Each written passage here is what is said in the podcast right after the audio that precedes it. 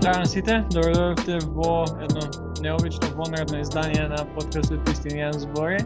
Со мене денеска, заедно со Мартин и Димитар, се дечките од подкастот, фудбалскиот подкаст Скратен корнер, Кира и Владко. А, може дефинитивно најдоброто Македонија фудбалски, а може и пошироко. А, како сме, Кире, како е Владко? Што има ново? А, одлично после вакви комплименти. Дури и да ја лага, не ми кажува дека ја лага, сакам да мислам дека го мислите тоа. А, супер сме. Има многу фудбал денови, ние сме многу многу запалени по фудбал и си го пополнуваме времето така.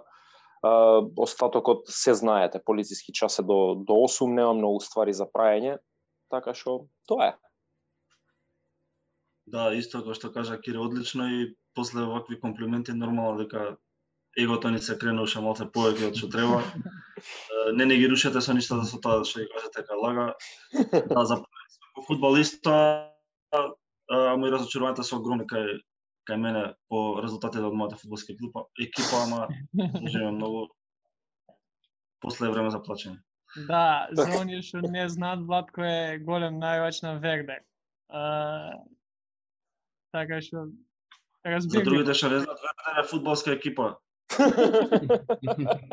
да. Тоа тоа од таму требаше да почнеш уствари. па не, ја баш пред пред да почнеме да снимаме, како зборавме, кога ние реално никогаш не сме правиле муавет за футбол на подкастов.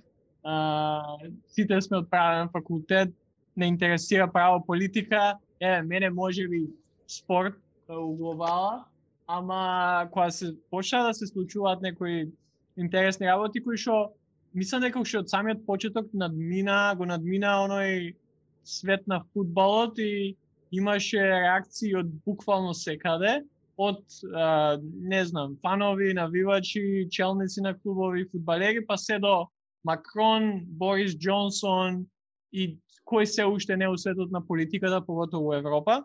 И баш ми беше интересно да да поразговараме, да направиме нешто и ние, да да направиме муавец и прв на памет кој ми дојде со кој би може да разговараме секако вие, бидејќи знам дека пратите, знаете што се случува, имавте и вие лайвстрим, така што ако некој сака да да да слуша уште повеќе од вас може да ве најде на Facebook и на YouTube сте сега. А, па од тука нели сакав да да поразговараме за Европската Суперлига, која што неславно траеше или барем проектот траеше неколку дена.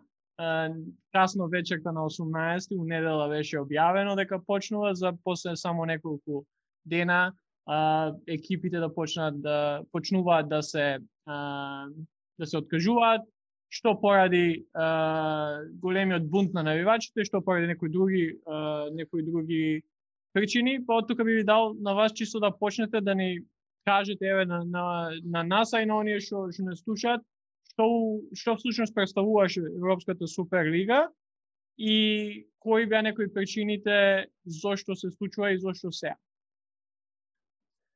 Европската Суперлига е а, нешто што беше планирано како елитно надпреварување од страна на 12 а, 12 ајде да кажеме најбогати клубови, со исклучок на 2-3 клуба кои што ја има одбиено поканата. А, технички 12 да кажеме од 15 најбогати клубови во Европа решија дека а,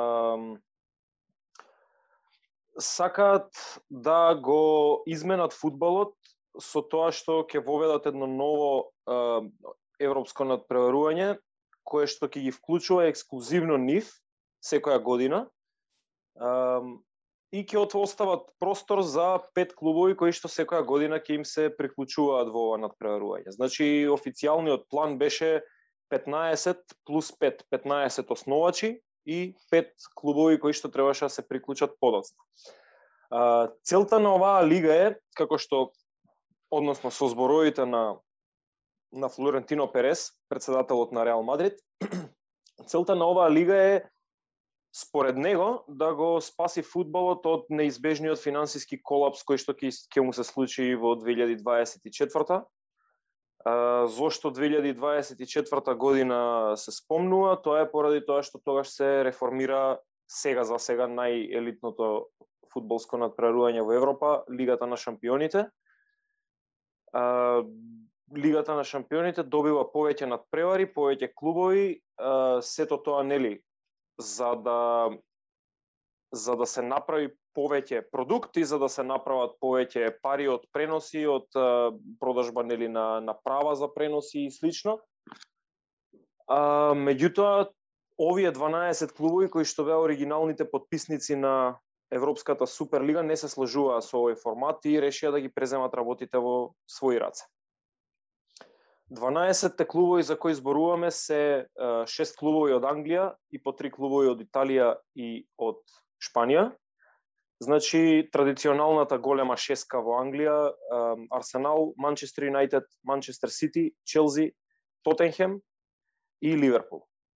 Од Шпанија тоа беа трите најголеми клубови, Реал Мадрид, Барселона и Атлетико Мадрид и истото важи и за италијанските три најголеми клубови, историски барем најголеми клубови, Јувентус, Милан и Интер.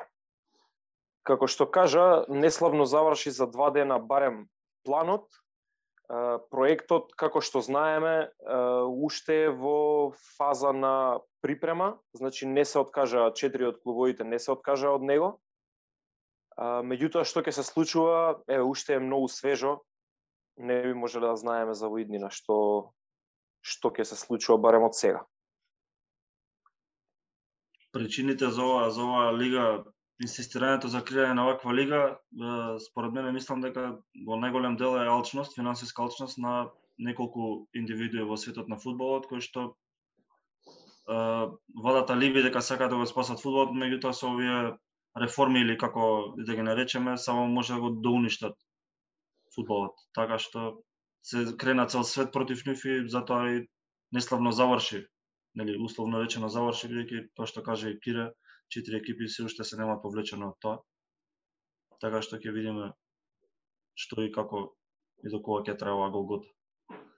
Да, мене првата реакција ми беше токму тоа како поради нели и тројцата следиме и амерички спортови, знаеме како се како функционираат самите лиги у, Америч... у, у спортовите у Америка и мислам дека прво нешто што што беше она што се правеше некоја компарација се токму тие некои лиги, NBA лигата, NFL MLB, а, каде што нели имаш лига од затворен тип, нема испаѓање, нема а, нема промоција, ама дефинитивно не може да се спореди со фудбал бидејќи прво прво Америка е една држава, иако има нели 50 сојузни, сепак една држава, не Европа да имаш и национални лиги, да имаш и помали клубови, мислам дека тоа треба да се спомене, ако бидејќи нели една од причините зошто ова би било окей, бидејќи еве, у во Америка, зошто да не се направи фудбалот и мислам дека интересно е да се спомне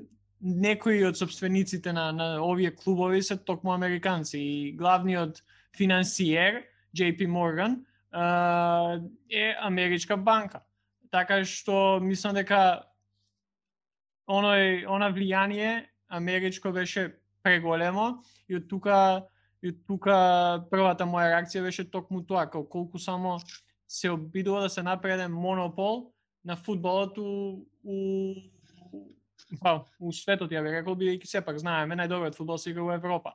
А, и, и тој монопол да го има тој 12 а, собственици на екипи кои што да се представуваат дека сакаат подобар продукт или подобар производ за за навивачите, но уствари го прават уште полош со тоа што супер може ние ќе гледаме секоја недела елитни утакмици како не знам Реал Барса, Реал Челси, Манчестер, Ливерпул секоја недела, ама што е со другите екипи, што е со помалите екипи кои што од кои што зависат производството на играчи, од кои што зависат еден милион други различни работи, самите градови ги имаат екипите кои што им носат премногу финанси, премногу, не знам, туризам, економски придобивки. Така што мислам дека на тоа се заборави и тоа беше мислам од оваа гледна точка маце добро е што ја барем мислам собствениците забораје на тој аспект и на тоа колку навивачите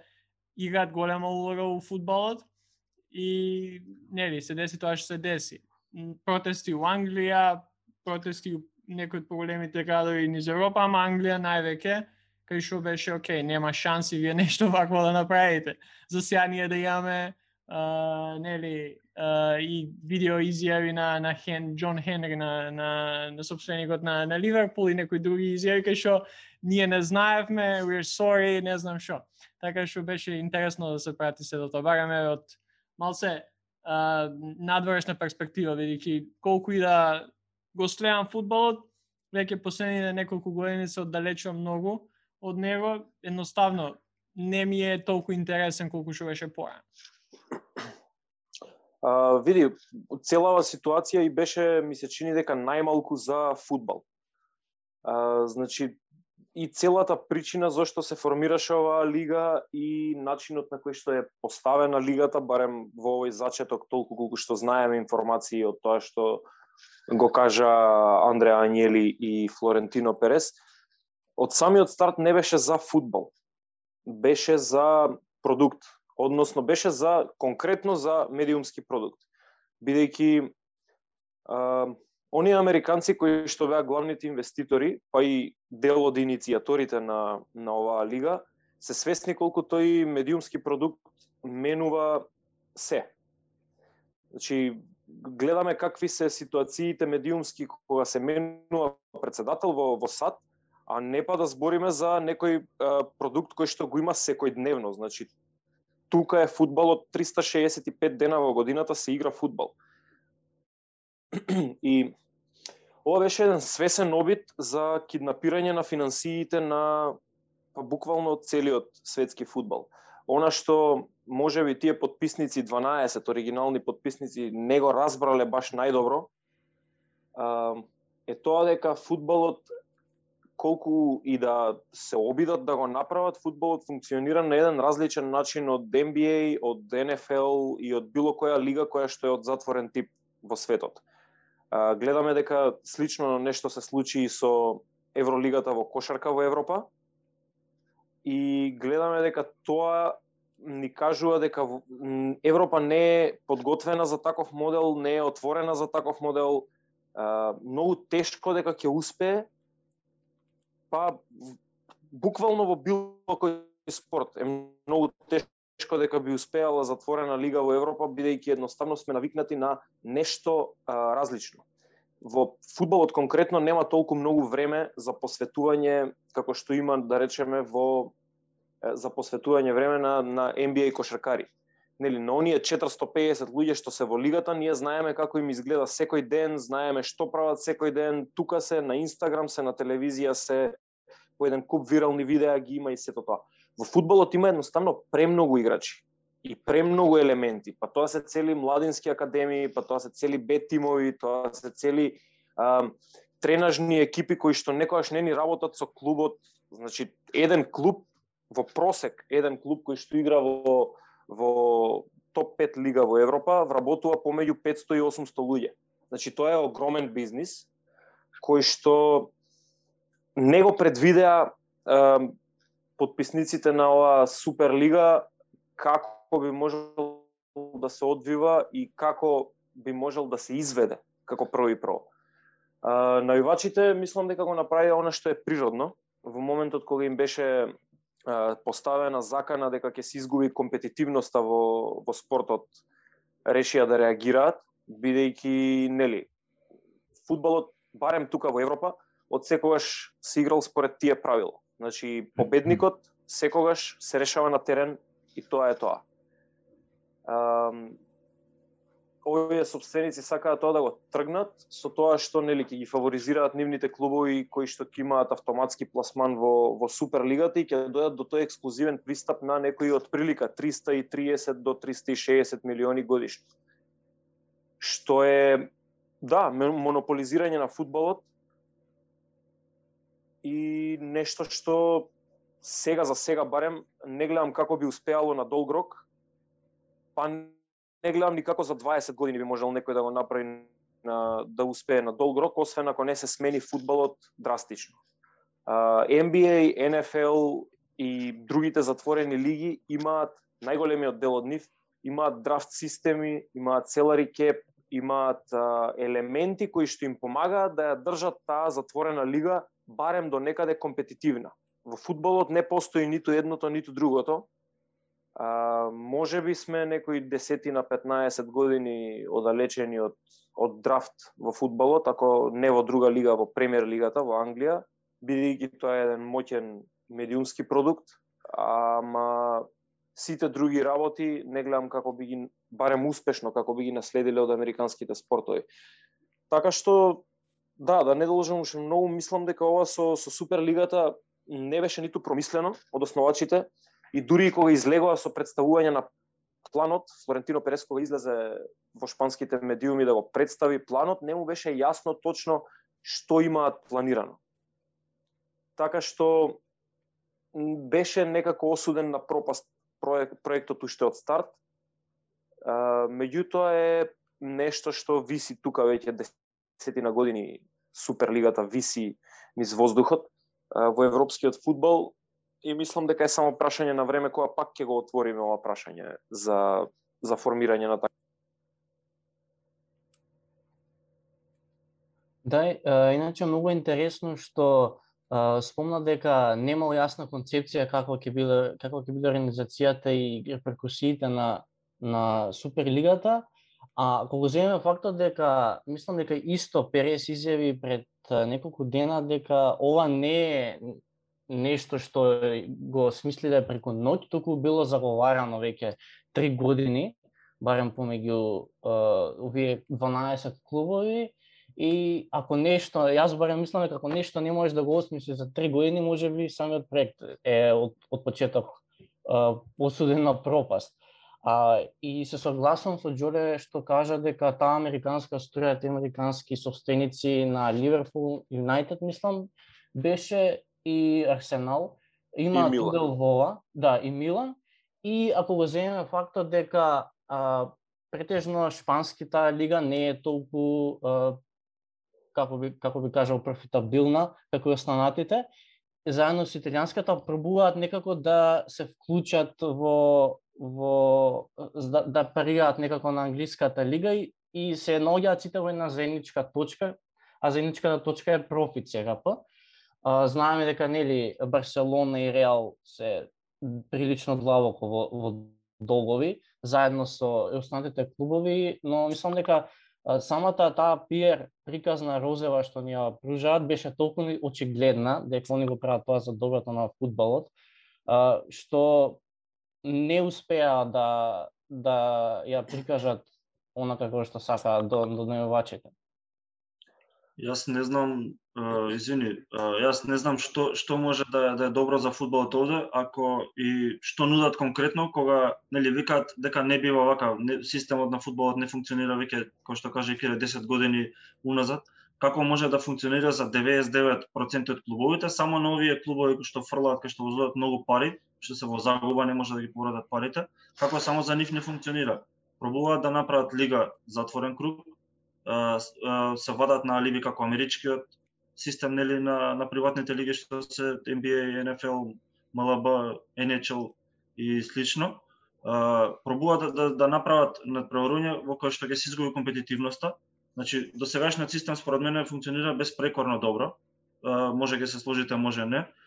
Бидејќи те тера, нели, како што беше, за да влезеш во Лига на шампиони треба да си во горна четворка, така во Англија или во Шпанија или во Италија каде си со, со, со самото ова, мора да држиш ниво секоја сезона треба да си добар за да стигнеш во Лига на шампиони. Мораш да вложиш континуирано, да, дали финанси дали што и да е, дали играчки кадар или како и да ги наречам.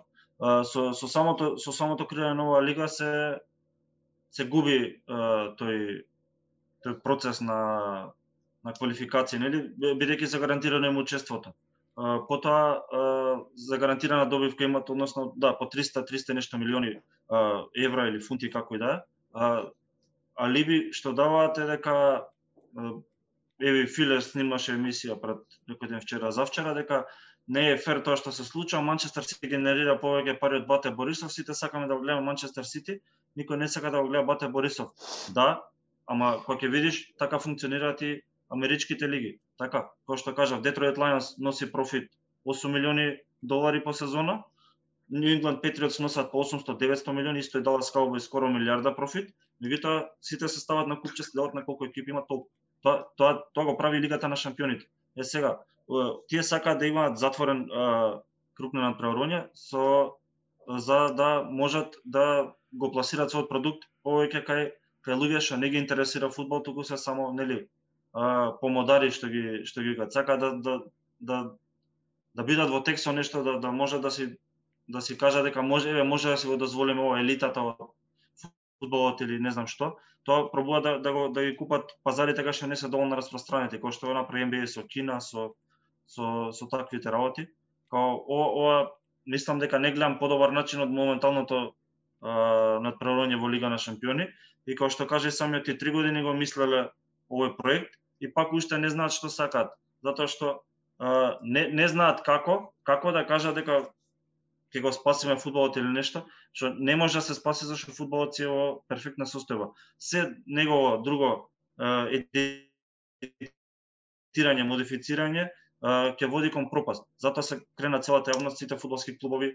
Ја не видов ни еден играч да да каже дека е за ова, без разлика на пари и на не знам што и да е као. Имаме видови видови тип на играчи како што се Хулк, како што се не знам Грацијано Пеле, Оскар од Челзи што јавно кажуваат дека сака да додат да за пари не, не ги интересира ни ни слава, ни не знам што.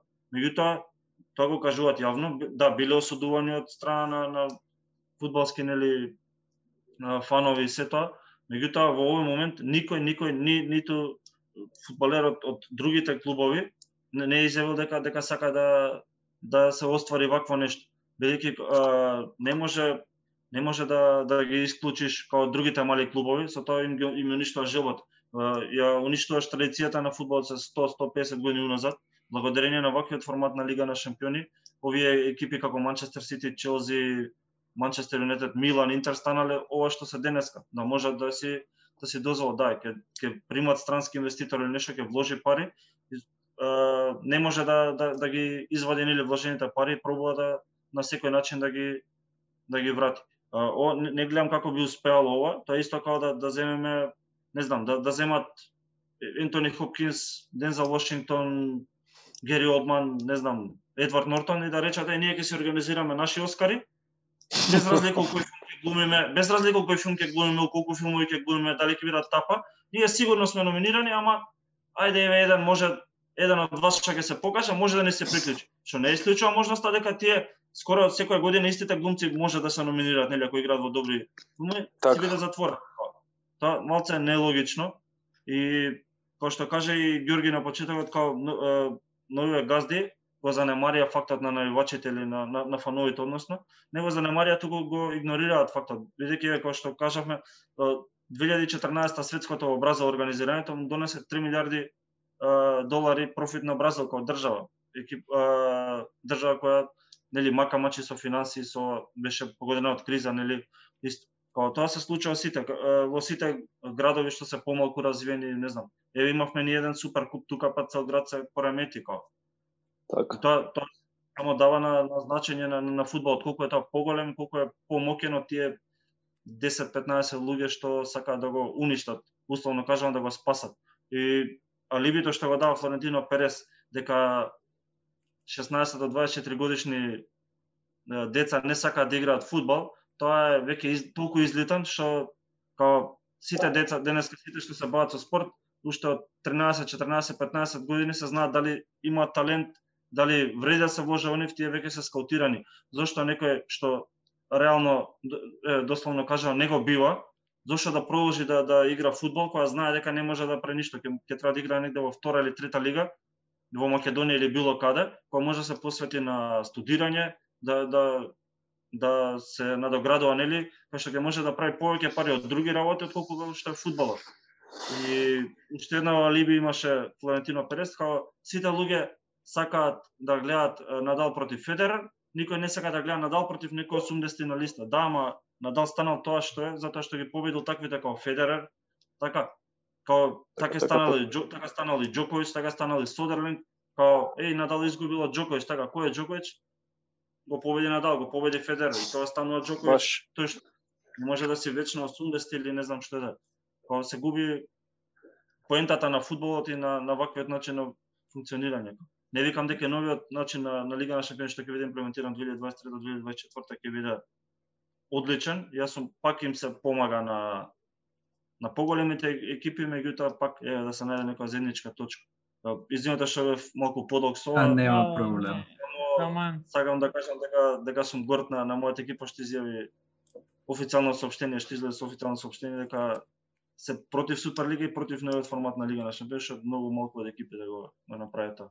Да, да, јас само би, би се надоврзал, бидејќи Кира спомна Евролигата у кошарка, као само што излезе нели најавата за Суперлигата, прво нешто освен овие компарации со америчките спортови ми беше Евролигата, бидејќи истата а, лига за оние кои што не знаат помина низ сличен ваков процес на почетокот на овој на овој век каде што 2001-2002 а, се формираше нова лига, а, дел од екипите остана имаше војна помеѓу ФИБА, која што е федерацијата нешто налик на ФИФА и УЛЕП, а, која што е не знам и како да ја наречам федерација која што е предводена од Бартомео и која што е а, која што организира самата Евролига у моментов, а, каде што дојде до војна, голем дел од оние богати екипи останаа со Евролигата, тоест продолжија со Евролигата додека ФИБА си формираше своје надпреварување кој што траеше само една година. Има некои подобри екипи, не знам, мислам дека грчкиве екипи се уште беа таму, Макаби уште беше дел од тоа, ама после само една година мораа да дојдат до, до компромис. За сега да имаме ние продукт кој што е Евролигата, кој што, by the way, на вистина не е добра кошарка. А, според мене, ако гледаме и рейтинзи и се, ни, не е таму каде што беше порано и примерот ќе одам поготово кога станува збор за мали наспроти големи екипи. Ако порано можеше, не знам, мала екипа као Партизан у кошарка да се пласира на Final Four, а, следните неколку 2009-2010 година, следната година две форматот се менува само поради такво нешто да не да не може да се случи повторно. Бидејќи не може ти да имаш помала екипа како што е Партизан, која што не ти генерира премногу пари реално, не им носи ништо на начелниците на Евролигата, ама затоа екипи као Каха Лаборал која што ништо никогаш нема направено у Евролигата или не знам Валенсија од Шпанија, кои што нели се у најдобрата кошакарска лига у Европа, мора да имаат место таму, бидејќи пак носат поеќе пари на Евролигата, па затоа се менуваат голем различен број на формати, за ти денеска да имаш само една екипа од Балканот, Црвена звезда у Евролигата, несомнено кошаката на Балканот е на вистина добра. А, и, и оној, уште поеќе да затвориш тој круг на кој може да игра у, у Евролигата. И затоа мислам дека може би на почетокот би било интересно, не знам, една-две години да се гледа а, секоја недела да гледаш супер тимови, еден против друг, ама подоцна ќе сватиш дека што е поентата на сето тоа, као едно што ќе ти се смачи да ги гледаш нонстоп истиве, а друго што нема да има нема да имаш ти приказни од, од типот на, не знам, Динамо Загреб да иде да, да, да победи некој голем европски великан и сите тоа да зборуваме по два-три дена, бидејќи стварно не се случува секој ден. А, така што мислам дека кој фактор го прави спортот она што е, нели? И токму тоа а, со Евролигата се одзема и затоа не верам дека некојаш ќе ќе ќе ги донесе оние придобивки за кои што се кажува дека ќе ги донесе.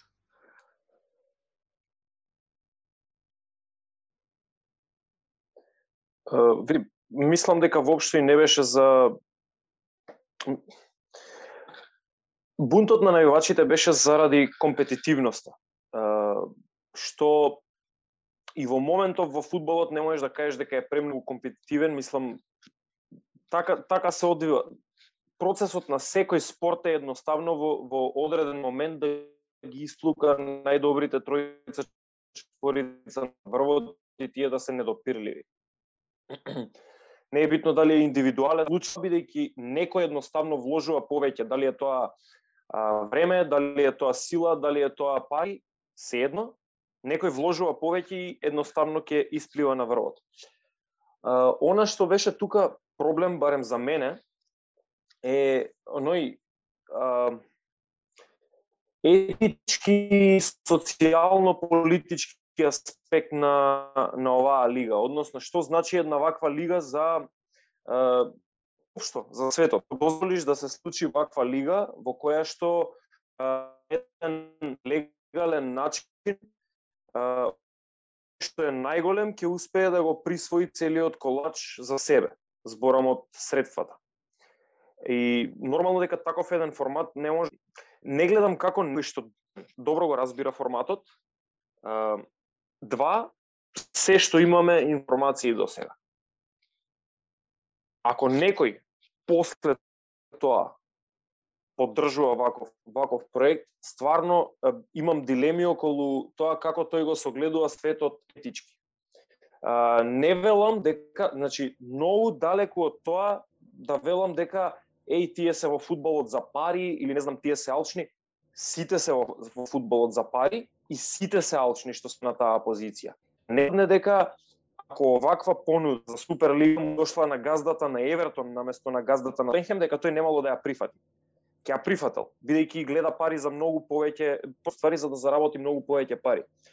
Меѓутоа и и да напоменам, пари му се потребни фудбалот како и на сет спорт. Јас сум крос кейс тоа и повеќе пари фудбалот.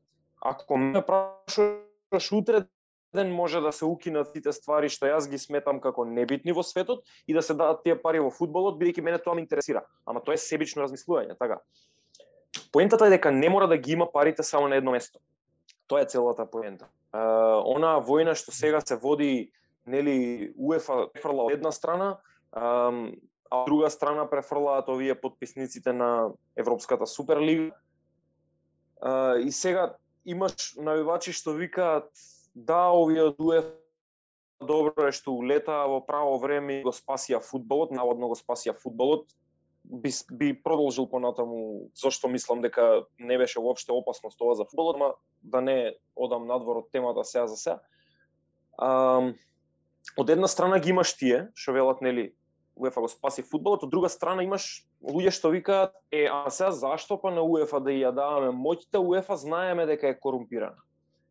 Океј, факт, дека е корумпирано. И дали може би се, си зема многу голем дел од колачот пред да им го даде на, на клубовите, на федерациите. Зема, апсолутно. Значи, УЕФА може би го дели тој колач на 70-30 да речеме, од кои што 70% им припаѓа на нив, а 30% им припаѓа на другите. Под другите, зборам, тука е и Реал Мадрид, и ФК Вардар, и Македонска федерација, и Шпанска федерација, и Лига на шампиони, и Европски правенства, и светски правенства, се се организира со тие пари. Ама некој во УЕФА решава да одвои. Нека се тоа 30%, нека се тоа 15%, нека се 2% од парите, некој во УЕФА решава да ги одвои тие пари за развој на фудбалот како спорт, за инвестирање во инфраструктура, за покренување на младински развој, во а, ги вложува во терени, во помошни терени, во стадиони, во трибини, во осветлување, во патишта за да се стигне до стадионите, значи тие пари се на некој начин испланирани. Тоа што на мене лично ми сметаше во оваа Суперлига е дека никој не го опфати тој елемент. Мене не ми беше јасно како Суперлигата ќе му помогне утре ден на било кој клуб стави празно место тука. Не е битно дали е третиот клуб во Англија или е последниот последно пласираниот тим во Кипар.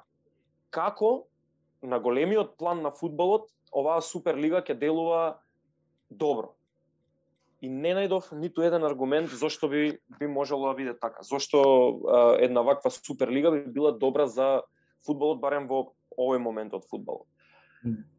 Um, да, да Кирил. некој повели? Um, нема, нема гајле. Кога стана овој проблемот со со Суперлигата кога почна повести да се кажува, не бев многу заинтересиран пошто ќе долги години не ни пратам фудбал, ама кога стана контроверзно прашање, баш се заинтересирав да изслушнам и двете двете страни на аргументот. Зошто да, зошто не. И најдов на едно видео од македонски коментатор, кој заборавив името, пошто стварно не, не ги пратам тие работи, кој што аргументираше дека ова наводно било добро, затоа што го крши монополот на корумпираната УЕФА. Па ме интересира ваш став на двата, дали ова држи вода? А, Владко го спомна преска, збори, збориш за Филе. За Филески.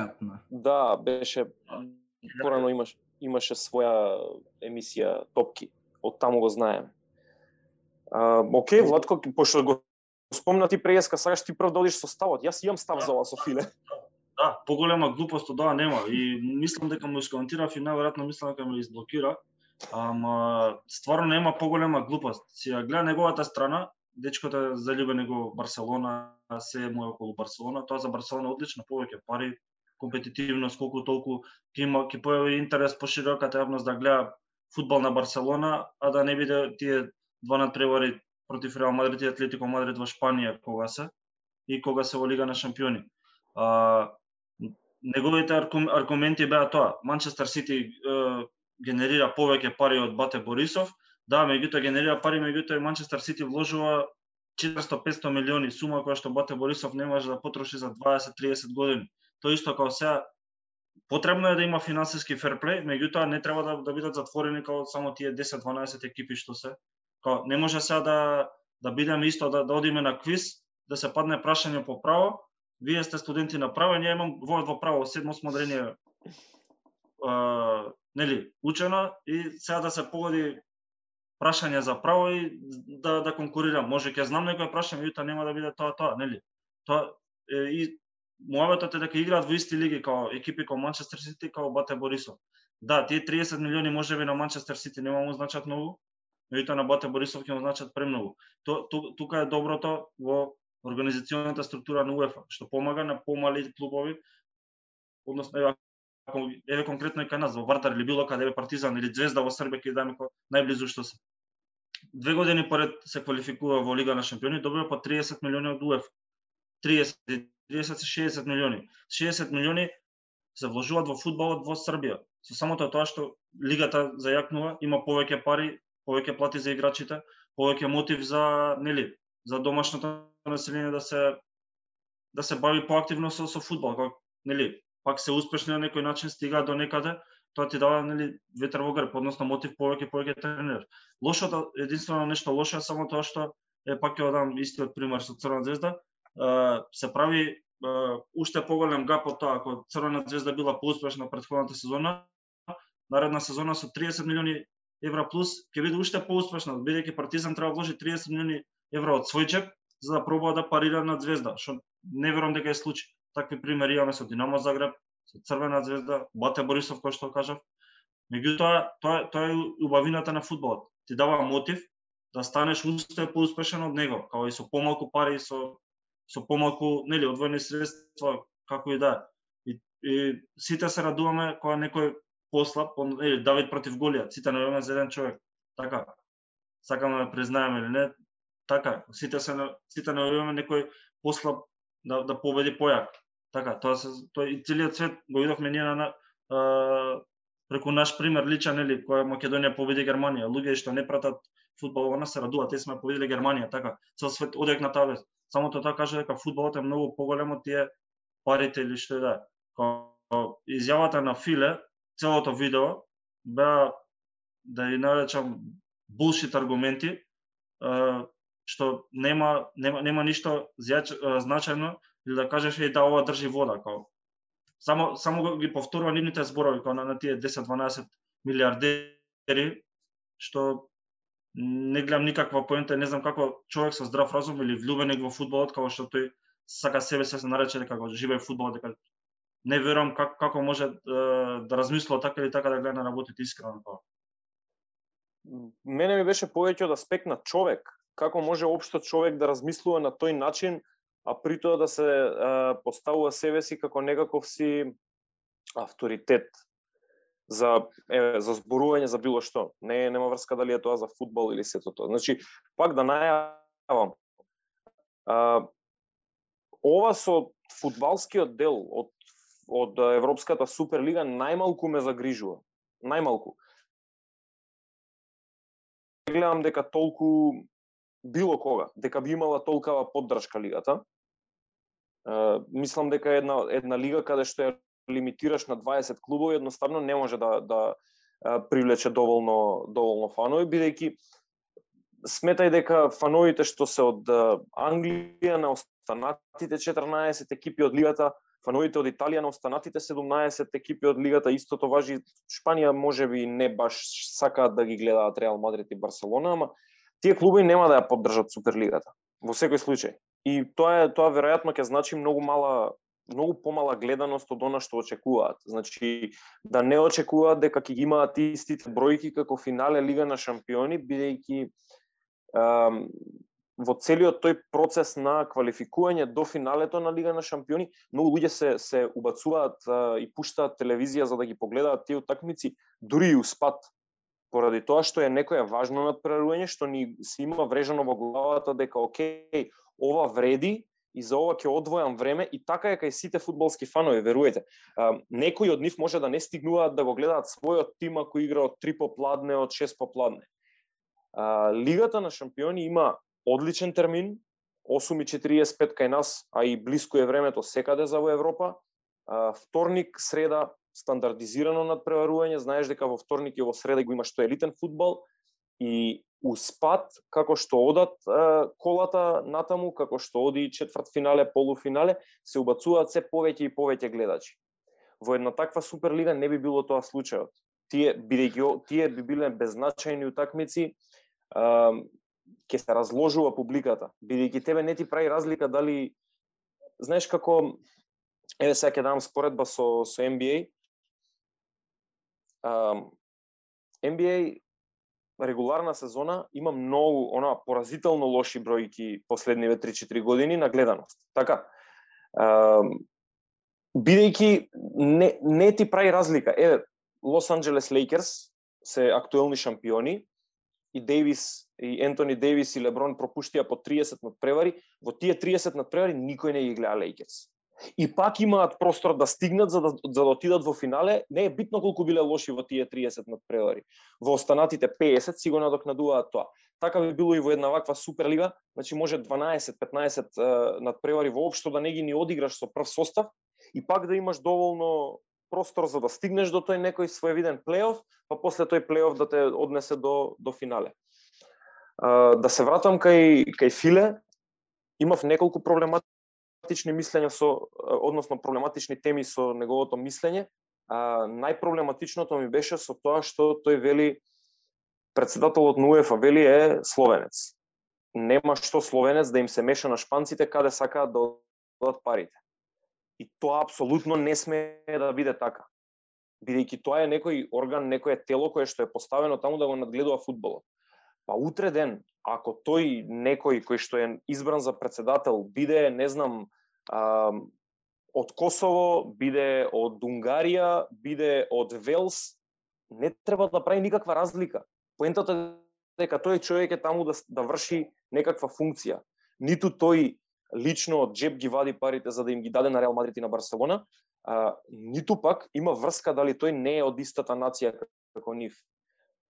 Не сватив што сака да што мислеше точно со со ова тврдење, меѓутоа тоа ми беше некако како најпроблематично бидејќи тој што мисли дека ако ако еве да речеме имаме одличен фудбалски работник македонец и еден ден дојде на ред да да може да биде а, председател на УЕФА и се кандидира, тоа значи дека не смее да биде таму, бидејќи од Македонија и нема што да им се меша он на Юнайтед и на Реал кој сака да ги земе парите така. Не ми е не ми беше издржано баш тоа тоа како теза.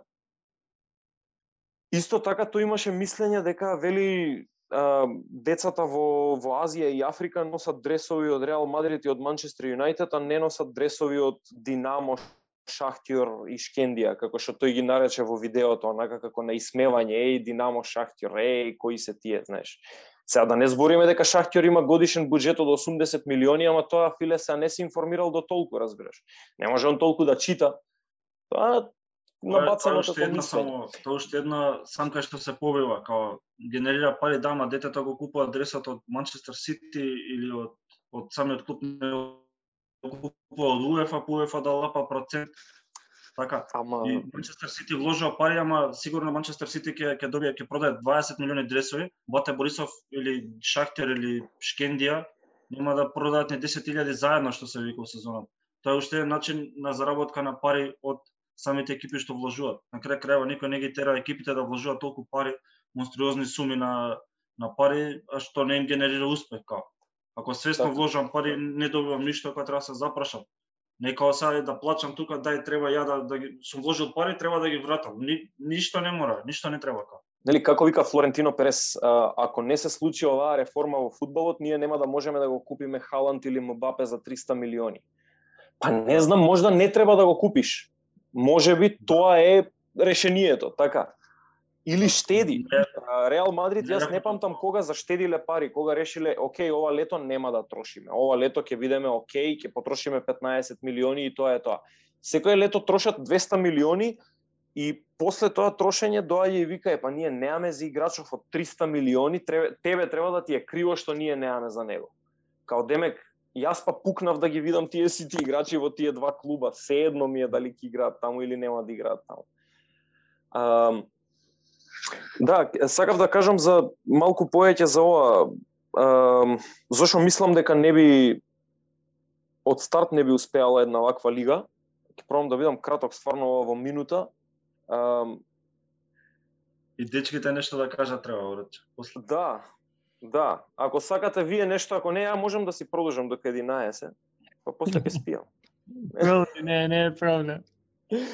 Не, а, вака, една таква суперлига никој не гарантира дека ќе ја поддржа и играчите од старт и тоа не значеше дека од старт сите играчи ќе се полетаат да играат во една таква лига. Гледаме колку многу од нив излегоа контра и мислам дека на многу голем дел од тие играчи не би им било никаков проблем доколку се случи една ваква суперлига преку УЕФА да си го раскинат договорот со клубовите и да си побараат нови клубови.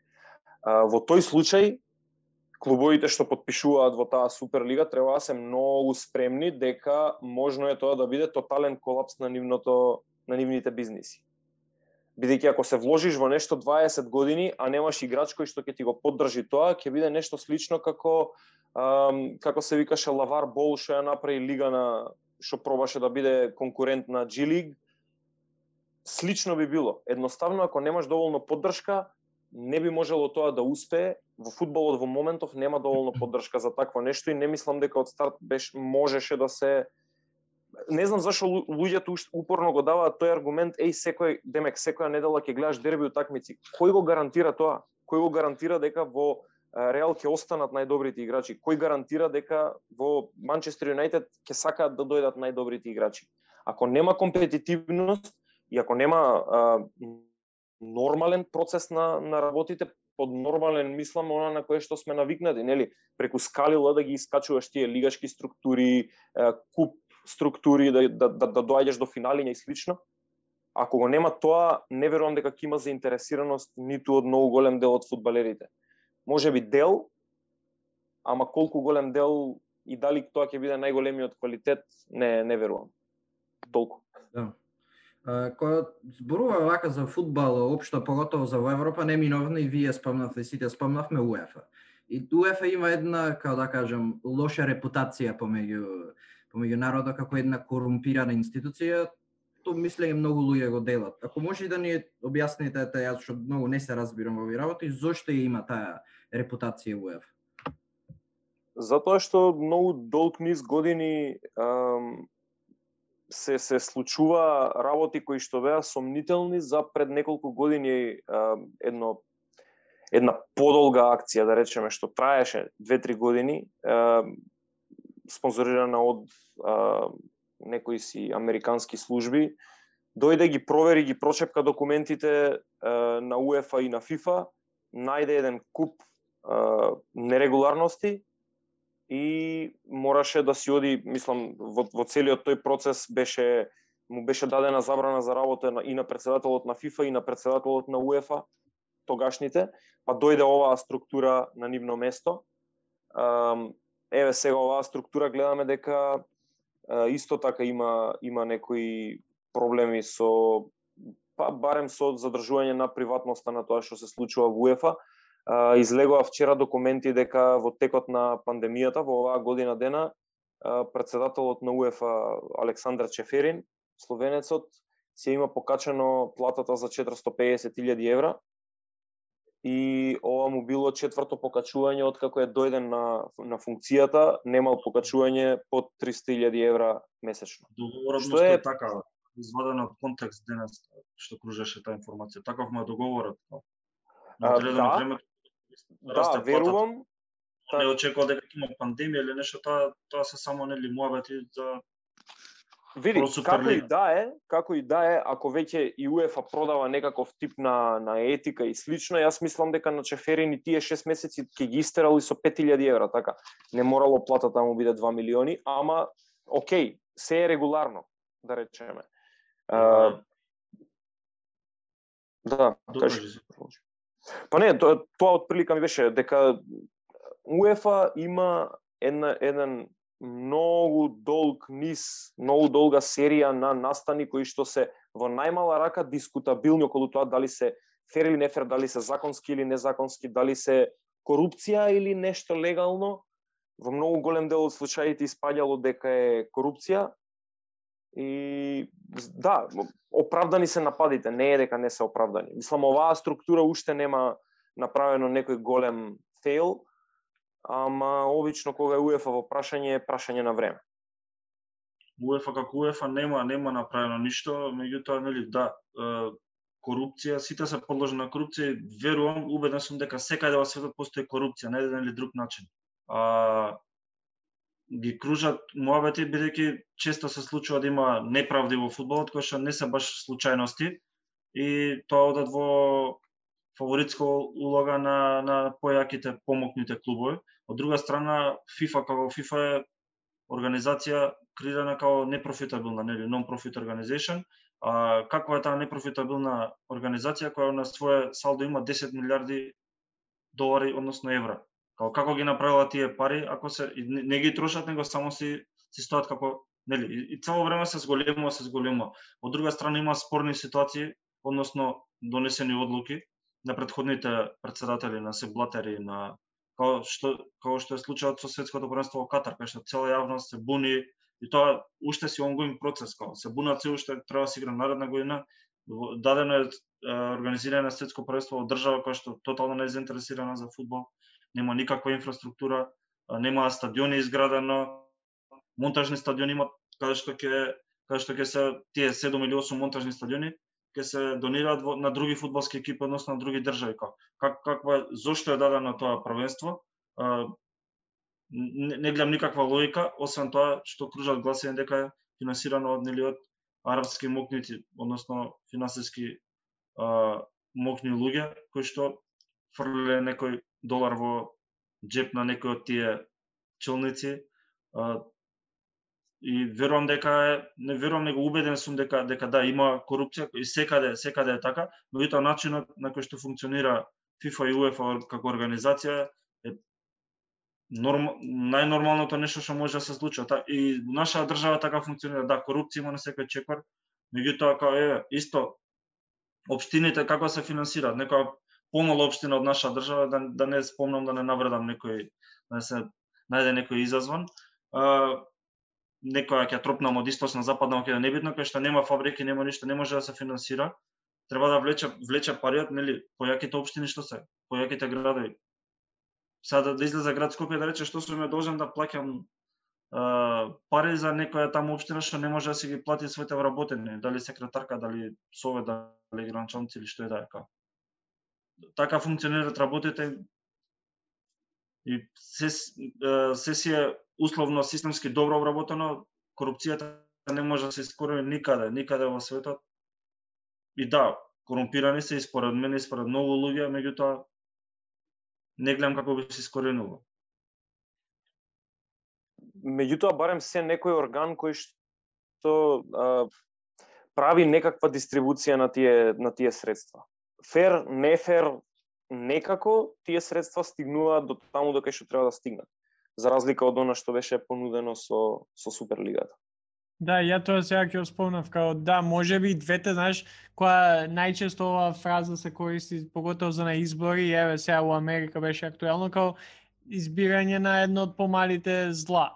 И као да, знаеме дека УЕФА е зло или бареме некакво зло како корумпирани се, не се перфектни. Знаеме дека и овие се за никаде, начело со Флорентино Перес. Ама сега мора да избереш на која страна ќе застанеш. Да, и двете страни најчесто ги фаворизираат богатите, ама овие па секојаш ги фаворизираат богатите, така што ако имаш некоја страна која што колку толку ќе им помогне што на федерациите, што на помалите екипи, без разлика што нема може да им дае а, најголемиот можен а, а, допринос или буџет или пари или било што, пак им даа нешто за разлика од овие кои што 12 клубови целиот профит ќе иде кај нив, нема да иде за федерации, нема да иде кај а, клубови помали, нема да иде а, за градење на младински школи кај што мислам Владко ти ги спомна како и Кире. Реал сака да ги купи, не знам, Мбапе, Холанд, 300 играчи, ама ако ги немаш тие младенски младенски академии кои што се насекаде низ Европа, ти нема да имаш можност да имаш такви играчи. Пошто да, ти можеш да ги собереш сите у академијата на на Реал, на Барса, на... ама тоа се хендфул као број на играчи, одреден број на на млади деца кои што може да биде дел од таа академија, не може ти илјада деца да имаш во една академија, као на кој попрво ќе даеш дика. А, така што мислам дека тоа ми тоа мене барем е као некој кој што ако избирам страни, сега ќе би ја избрал УЕФА, каква и таа да е у моментов, поради тој факт дека барем го стимулира оној она компетитивност со фудбалот и можност да да се напредува, да, да му даеш на некој не знам, не ми текнува сега фут, млади фудбалери, ама да му дадеш на некој фудбалер од Србија, од Хрватска, од не знам, следниот Лука Модрич, следниот не знам, било кој да може да да направи некој продор од пом, од помали екипи у Реал, у Барса, у Челси, било каде. Точно. Се УЕФА тука не е крива кај нас што ни дава три пати дава донација за столчиња у, у стадиону. И уште не се поставени и уште се затворени негде или не знам дава пари за стадиони кај што има еден стадион тоа државни пари изграден другите се како корупција има сегде ама треба се почне од најниско ниво како прво кај нас да видиме што се случува или како беше избран и нашиот председател со време на клубови кои што 30 години не биле активни па сега само за глас плюс нели се активираат има многу многу работи за зборење за корупција, за за што и да. Меѓутоа да, се случи. Одлична. Самиот концепт на на лигава мислам дека не можеше од не можеше да успее без англиските клубови и мислам дека тие беа клучните во, во цела оваа ствар баш поради тој аспект, нели? А, англиските клубови се самоодржливи и работат во еден многу добар систем на англиската EFL, нели, унијата на професионални лиги во, во Англија, каде што секој има една добра, убава, издржана дистрибуција на пари. И тие пари се слеваат надолу. Значи од највисокото ниво па надолу по еден природен пат доаѓаат до до последното професионално ниво, четвртата лига, Па мислам дека и петата и шестата лига профитираат на некој начин од целото од целава ова фудбалска пирамида во Англија, поради тоа што а, учествуваат во истите куп над прерарување со нив и сето тоа. А, одличниот медиумски производ кој што го има во моментов Англија со премиер лигата. Значи зборувам за графичка обработка, зборувам квалитет на пренос, зборувам дури квалитет на фудбалери, квалитет на тренинг центри, убави она стадиони, капацитети, инфраструктура, сето тоа. А, сака организаторите на оваа суперлига тоа малку како да го да си го присвојат. Знаеш да го ако го донесат под свое, тоа значи автоматски дека имаат предност во однос на УЕФА и ако ги убедат англиските тимови да се одвојат од УЕФА, што може би сега сметаа дека е лесно поради нели Брекзит, излезот од Европска унија и сето тоа, мислеа дека ќе им се приклонат тие англиски клубови и ќе им го дадат продуктот тек така. Um, она што него процени е дека тие англиски клубови па и федерацијата англиска не е толку наивна и да даде некој продукт кој што е веќе толку разработен. Uh, Премиер лигата има во светот, во, во футбол во светскиот футбол има најголема гледаност, па по нив е лигата на шампионите, па по нив е шпанската лига, па по нив е втората, значи чемпионшип. Значи првите две лиги во Англија имаат топ 4 гледаност во светот. дури дури оние од прва до четврта лига имаат огромна гледаност. Сега тие ако овие клубови од Суперлигата ако успеа да ги присвојат кон своја тие кон своје гледачите на таа премиер лига, можеби и ќе и ќе успееше. Меѓутоа баш тие тие клубови што се помали, баш тие клубови кои што не се замислуваат како себе си како елита, беа многу гласни во особено во Англија за оваа Суперлига. Заради таа, нели, како што ја зборуваме, дистрибуција на средства и, и начин како малиот може да дојде до некој поголем поголем профит. Да, сите клубови признаваат, сите тренери, сите фудбалери, сите знаат дека а, во УЕФА нешто смрди од главата, така. Меѓутоа, УЕФА како организација, организација сама по себе не може да биде корумпирана без луѓето. А, така што луѓето што се таму, ако тие сакаат да преземат одговорност, нека преземат. А, нема како да испадне не знам, не, не, не гледам сценарио во кое што клубовите би се приклониле кон овие како му доаѓаат четворица подписници на Суперлига кои што останаа. Е сега нормално останува и начин да видиме како ќе како ќе бидат казнети. Постојат некои многу инвентивни начини на казнување со кои што би можело да профитира и економски целата земја, целата држава, целата лигашка структура на овие три земји што го организира ова постојат некои предлози, ама не знам, може да ја направиме предолга емисија ако ги тераме и предлозите, така што Да, баш и јас сега гледав, сад време да веќе снимаме и нешто повеќе. Мислам дека у, генерално го кажавме тоа што требаше да се каже. Реално тоа што сакавме да дадеме вие да ни дадете објаснување малце повеќе за целата ситуација и причините а, позади се ова. Ако има нешто што сме заборавиле слободно, а, може да се надополните. А, ако не... Јас сега сакав само да прашам, ние се искажавме за за крај само да прашам кој е вашиот став Димитар на Мартин по Ѓорги на тебе за ова дали сте за или против Суперлига и зошто ако може на кратко ако не, да не должиме емисија многу па. тоест подкастот. Па, искрено немам доволно информации за да оформам став по ова прашање, ама како што гледам, колку луѓето и според мене најбитниот став е ставот на навијачите на луѓето што пратат. Значи, 90% од луѓето што пратат и тие што ги интересира фудбалот се против вакво нешто.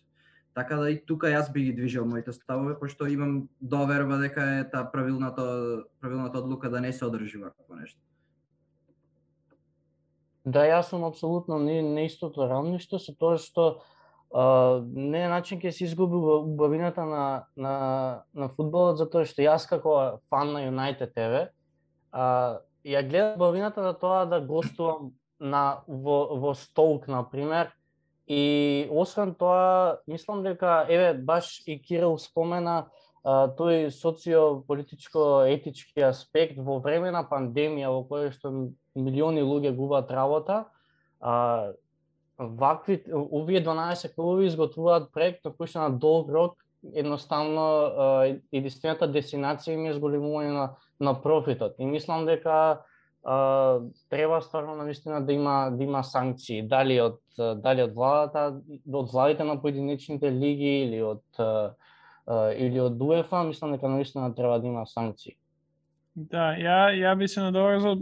Ја сум против дефинитивно као не сметам дека ако ги гледаме примерите, поготово со Евролигата, као и расипа европската кошарка, као истото ќе се случи и со фудбалот.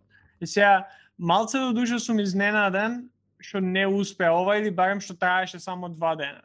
Пошто како што спомнавме, целата идеја не е од сега, не е од му текнала на Флорентино Перес пред две недели, ги собрал сите и се подпишале и кидат. Као идејата е со години, последните неколку години се интензивира и станува добива облик на кој што видовме каков. А, и ми беше доста чудно што англичаните, да поготово нели Челси и Манчестер Сити, Сити први, као се откажа после само два дена. Ја мислев дека ќе издржат уште многу поеќе, барем некаде почетокот на летото, а, ама изгледа немало знаеш единствена идеја позади се во ова и поеќе поеќе било неколку екипи што го водат, што ти ти што каже, уште се четири екипи што се дел од од сето тоа се уште, иако другите се откажаа. А, по тука малце бев изненаден како лично мислење, бидејќи мисле дека ќе потрае уште поеќе, ќе ќе има доста контроверзии, ќе има преговори, 300 глупости, чудо што се уште не, ама дефинитивно сум против, а, иако сметам дека би било онака не знам, интересно да се види како некој кој што не прати толку фудбал, а, би било интересно, ме интересира како би изгледал тој продукт. Не дека сакам да обстане, ама би ме интересирало да видам како би изгледало, што би се случило. Иако верувам дека ќе ги има тие последици за фудбал кои што ги имаше за кошарката, кои што еве, ќе спомнати у НБА лигата никој не гледа регуларна сезона. Као ја правам подкаст за, за НБА лигата, ама као секоја недела збориме колку само треба да се променат некои работи. Као не е тоа што беше порано. А, иако кога ќе дое плейоф, не, сите гледаме, погото ако е е изедначена борбата. Така што против, ама поеќе наставот сум дека очекував многу поеќе, барем очекував многу поеќе у моментов да не се откажат одма, како после неколку дена. Ако смеам да додадам само на кратко уште една работа што мислам дека не ја спомнав, а што стварно многу, многу, многу, многу, многу, многу ми пречи во оваа Суперлига е а, затворањето на можноста за а, работни места на професионално ниво ако направиш една лига која што е составена само од 20 клуби, ќе се случи тоа што е кошарката во, во САД. Така, имаш 450 места за професионални играчи и ништо повеќе. Значи, тоа е тоа. А, тоа не сакам да се случи. Убав е фудбалот баш заради тоа што постојат толку многу фудбалери на секаде. Во младински академии, во бек клубови, во други клубови, пратени на позајмици, што и да е, ако им ја затвориш можноста да бидат професионални фудбалери. Она што го спомна Владко Прееска, дека Флорентино Перес не сметал дека децата од 16 до 24 се заинтересирани за фудбал. Знаеш ли колку многу деца ќе се откажат од фудбал, ако знаат дека за нив се ослободени само 2000 места во таа лига, толку. Тоа е едната работа, другата работа би го завршил уствари моето обраќање на на подкастов со тоа дека не сум не можам да кажам дека сум тврдо не, Односно не, види, тврдо не сум за за Суперлигата, ама свесен сум дека е прашање на време кога ќе се случи. Не во овој формат, не во комплетно затворен формат од 12 клубови или од 20 клубови, но може би во некој формат кој што е многу посличен на Лигата на шампионите, може би во некој нокаут формат или како и да е, ќе се случи начин во кој што константно 10 12 15 најдобри клубови од Европа ќе играат меѓусебно во турнир на преварување. За тоа сум сигурен. Меѓутоа, не во овој формат. Овој формат беше премногу затворен, не може не смее да обезбеди само пет места за па не не ќе ни да почнам да бројам колку многу клубови има во Европа. Мислам само во Скопје имаме некои 15. Како ќе знаме дека се најдобри? Како Арсенал како е најдобар? Кога 10 години не може да игра, не се да, најдобри. Да, е, па, затоа, затоа велам кои се најдобри. Атлетико Мадрид до сега не бил една титула има у Шпанија и две финални Лига на шампиони го сметаме за најдобри. Као не е најдобар. Не, не, апсолутно, меѓутоа да, он да, тоа ќе се веројатно ќе се истисне пари од од лигите. Они оние 3-4 клубови кои што лигите ќе ги истиснат како најдобри, потоа тие веројатно би се би, би продолжиле во Суперлигата. Јас така некако го гледам. Да, да ко, не е збир на најдобрите екипи, беше збир на најбогатите. Реално, Да. без Пари Сен Жермен и Манчестер, и ова, ќе кажав Манчестер Сити, ама Бајер Михен. Пари Сен Жермен кој што by the way, моментално највеќе профитира и нивниот шейк највеќе профитира од се и станува највлијателна личност у цел фудбал, ама за тоа по, а, за тоа тоа е дефинитивно поширока тема која што може да навлеземе, ама ќе ни треба уште неколку сати.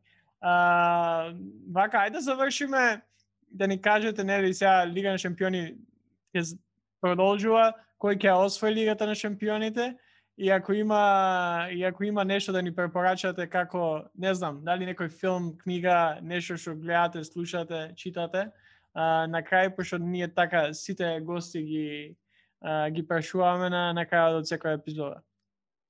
Предвидувањата ќе одите кај Владко, јас сум многу лош во тоа, тој е многу добар во тоа. Филозофирање околу фудбал можам да понудам. предвидувања, не знам, ја ја пред да почне Лига на шампиони кажав дека Манчестер Сити ми е главен фаворит, дека ја гледам Манчестер Сити и Пари Сен Жермен во ајде да не кажам финале, ама така нешто како едни од главните. Пред почеток на сезона реков дека Сити ќе освои, меѓутоа сега во оваа форма која што ја гледам, мислам дека Пари Сен Жермен е спремен за за освојување, дека ќе го не знам, многу е да не да не навлагам, мислам дека Пари Сен Жермен ќе освои. Дали Челси има шанси? Дали Челси има шанси? Тоа мене ме Да, интересира. секоја, секоја од овие секој од овие четири екипи има шанси и шансите на Челси беа огромно е, зголемени, као о- за огромен број е, зголемени во поредба пред пред жребката на четвртфинале. Бидејќи го одбра по лесниот пат ги избегуваат ги избегнуваат трите главни конкуренти, односно трите главни фаворити за освојање уште на патот до финале, така што ако стигне во финале 90 минути се може секој секој да победи. Добро. Дека ја јас Да. сум онака е, зацкриен фан на Челси која победува излегува му јавност, која губат не гледам фудбал. Мене ми, мене ми е само мене ми е само драго што не не изфрлија нас Юнајтед од Европа Лига, барем да можеме да освоиме тој тој трофеј, онака не сме многу добри со трофеју последно. Имаше една имаше еден мојаве дека Юнајтед вика единствена екипа во светот што играл Лига на шампиони, Лига Европа и Суперлига во една сезона. Да, во право си. Тоа и за крај не знам филм и книга, не знам по правото сте можам да ви кажам за нели Primal Fear сте го гледале сигурно, верувам. А за поновиве може The Father да го гледате со, со Ентони Хопкинс, мислам дека треба да освои Оскар за најдобра машка улога. Не верувам дека ќе освои, пошто ќе му дадат постхумно на Црниот пантер, нели? Ама да, Да. може The Father да го гледате слободно. Видим. Ми остана на мене да дадам некој предлог, а? Да. Немам мислење за Лига на шампиони, ќе останам да гледам, нема да предвидувам ништо. Мене ми се супер склопов на четири екипи и ќе има фини како му даја пет над превари. Задоволен сум. А, за ќе ви препорачам филм, ќе останам на тема, ако може. А, сега благо биографски филм е The Damned United се вика. Така, гледам дека. Ѓорѓи го препозна. А, гледајте го, да не ви објаснувам многу поише, Клаф е еден од најхаризматичните менаџери што се појавиле низ фудбалот. А, филмот не е, не е баш тоа што е Клаф, меѓутоа доволно добро го опишува неговото време во најлошиот период од неговата кариера. И баш за тоа е интересен, бидејќи не обработува не го обработува славниот дел од неговата кариера, туку баш најголемиот дебакал. А, книга ќе ви ја препорачам Future of Mind од Мичио Каку, американски физичар.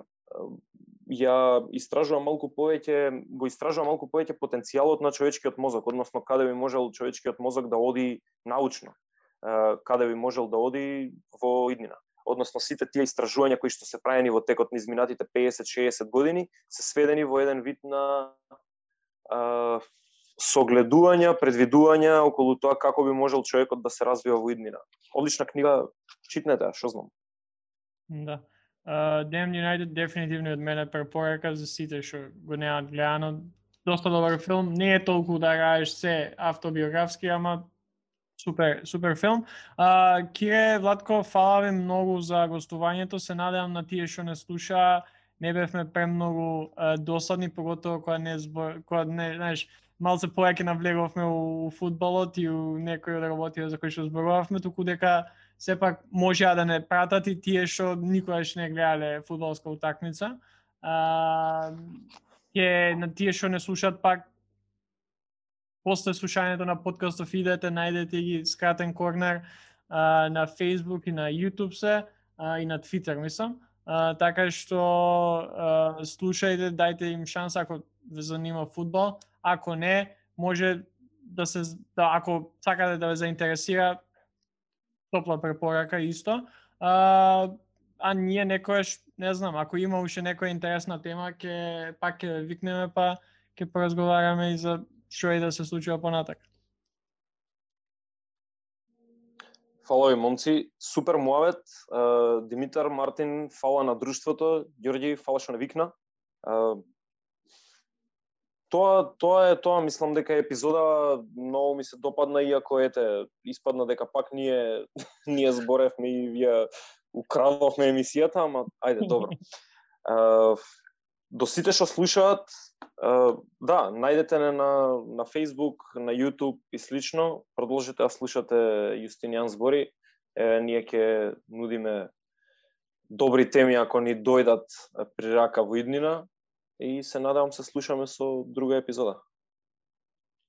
Фала на покана, дечки, одлична емисија. Извинете што малку предолго зборевме на некои теми што се пак по ситници и се надам дека нареден пат кога ќе не викнете емисија или ние кога ќе ви викнеме, ќе ќе може да дојдете до до израз и вие за некои теми поврзани со Пази, тоа тоа беше целта, вие да зборите, не ние премногу. Пошто ние сме збореле ќе 70 и која епизода ни ова, а, имаме имаме зборено премногу. Ама да, се се слушаме пак ќе кажам, слушајте скратен корнер, слушајте Јустинијан збори, ако ви се гледа, гледајте фудбал или Лига на шампиони. Peace.